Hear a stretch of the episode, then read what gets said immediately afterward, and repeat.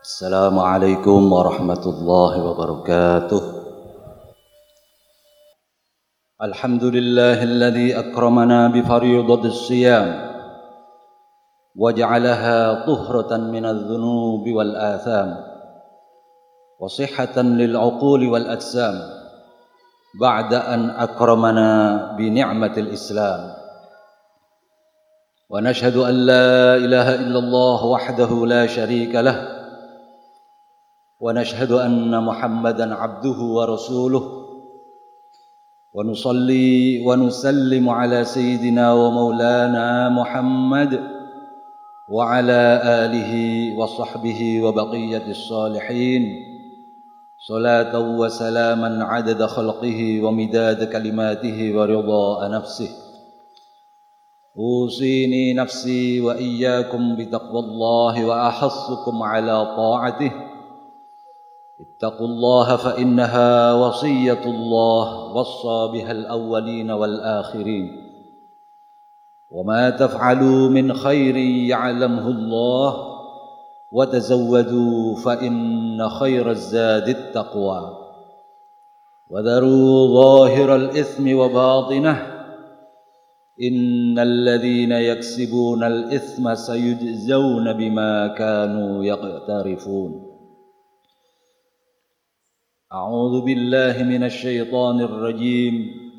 بسم الله الرحمن الرحيم.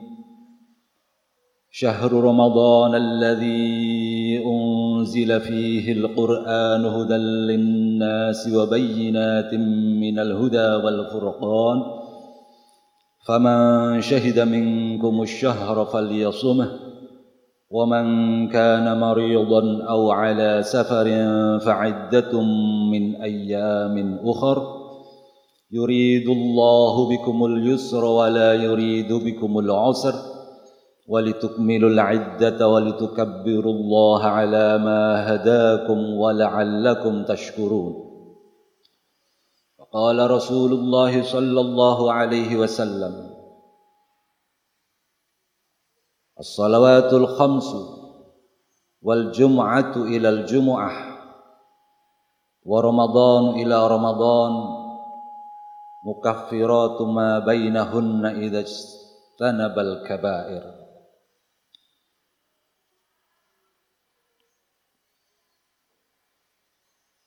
Ma'asyiral muslimin jamaah Jum'ah rahimakumullah.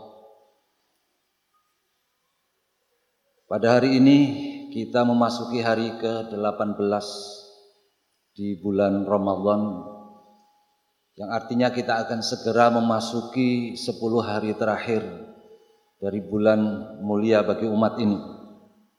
Bulan yang disifati dan dikenal dengan banyak sebutan kebaikan amal-amal utama di dalamnya.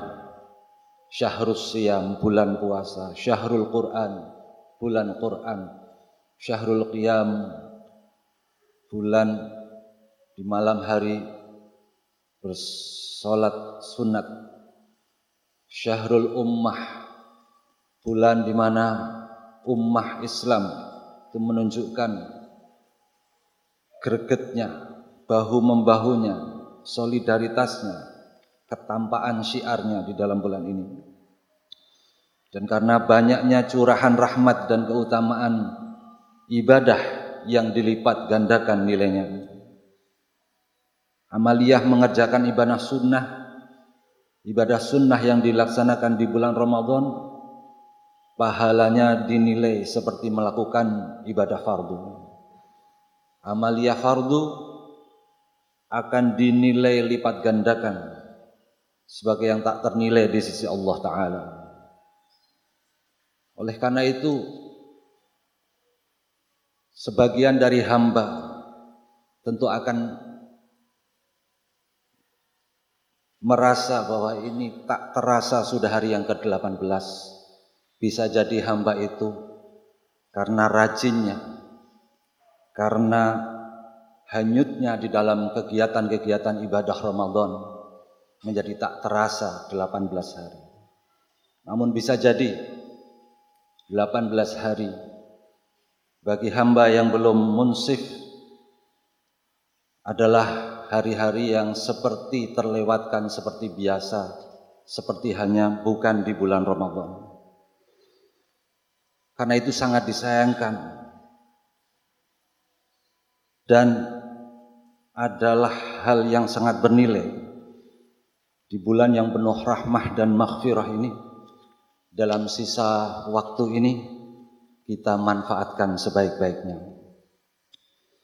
Rasulullah sallallahu alaihi wasallam telah memberikan panduan dalam satu riwayat hadis bagaimana mengisi waktu di sepertiga akhir Ramadan ini sebagaimana diriwayatkan oleh Sayyidah Aisyah beliau berkata كان رسول الله صلى الله عليه وسلم يجتهد في العشر الأواخر ما لا يجتهد في غيره Rasulullah Shallallahu Alaihi Wasallam bersungguh-sungguh beribadah di sepuluh hari akhir-akhir Ramadan lebih dari waktu-waktu yang lain. Dalam redaksi yang lain, Sayyidah Aisyah menyatakan, "Kana Rasulullah sallallahu alaihi wasallam idza dakhala al-ashra shadda mi'zarahu wa ahya lailahu wa ayqadha ahlahu. Rasulullah dulu apabila sudah memasuki 10 hari terakhir beliau mengencangkan ikat pinggangnya.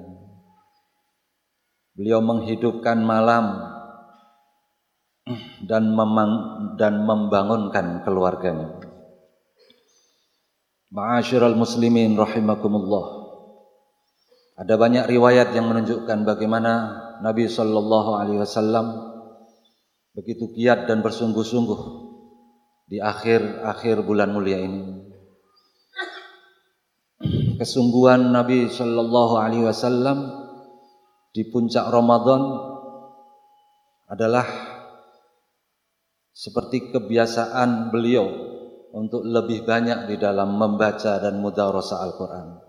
Lebih sering melakukan i'tikaf di masjid. Kemudian qiyamul lail dan membangunkan keluarganya untuk beribadah di malam hari serta semakin gemar bersedekah. Semoga kita dalam sisa waktu yang begitu berharga ini mampu kiranya menjalankan amaliyah-amaliyah yang dicintai Rasulullah tersebut di sepertiga akhir Ramadan ini sebagai wujud rasa syukur dan harapan kita atas segala limpahan karunia dan anugerah Allah Subhanahu wa taala kepada kita semua. Barakallahu li wa lakum fil Qur'anil azim wa nafa'ana bima fihi min al ayati wal dhikril hakim. Aqulu qawli hadha wa astaghfirullah li wa lakum wa li jami'il muslimin min kulli dhanbin fastaghfiruhu wa tubu ilayhi innahu huwal ghafurur rahim. اللهم صل على سيدنا محمد وعلى آل سيدنا محمد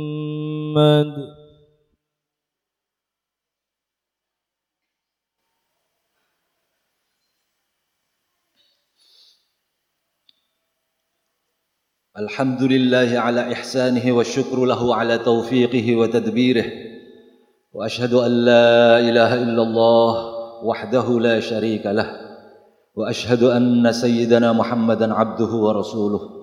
اللهم صل على سيدنا محمد وعلى آله وأصحابه وسلم تسليما كثيرا.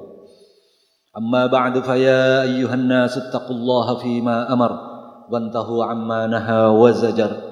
واعلموا أن الله أمركم بأمر بدأ فيه بنفسه وثنى بملائكته بقدسه فقال تعالى أعوذ بالله من الشيطان الرجيم بسم الله الرحمن الرحيم إن الله وملائكته يصلون على النبي يا أيها الذين آمنوا صلوا عليه وسلموا تسليما اللهم صل على سيدنا محمد وعلى آل سيدنا محمد وعلى سائر الأنبياء والمرسلين والملائكة المقربين. وارض اللهم عن الخلفاء الراشدين المهديين أبي بكر وعمر وعثمان وعلي وعن بقية الصحابة والتابعين وتابع التابعين لهم بإحسان إلى يوم الدين. وارضى عنا معهم وفيهم برحمتك يا أرحم الراحمين.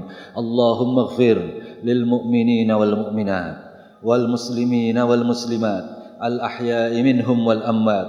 اللهم أعز الإسلام والمسلمين وأذل الشرك والمشركين وانصر عبادك الموحدين وانصر من نصر الدين واخذل من خذل المسلمين ودمر أعداءك وأعداء الدين وأعل كلماتك إلى يوم الدين.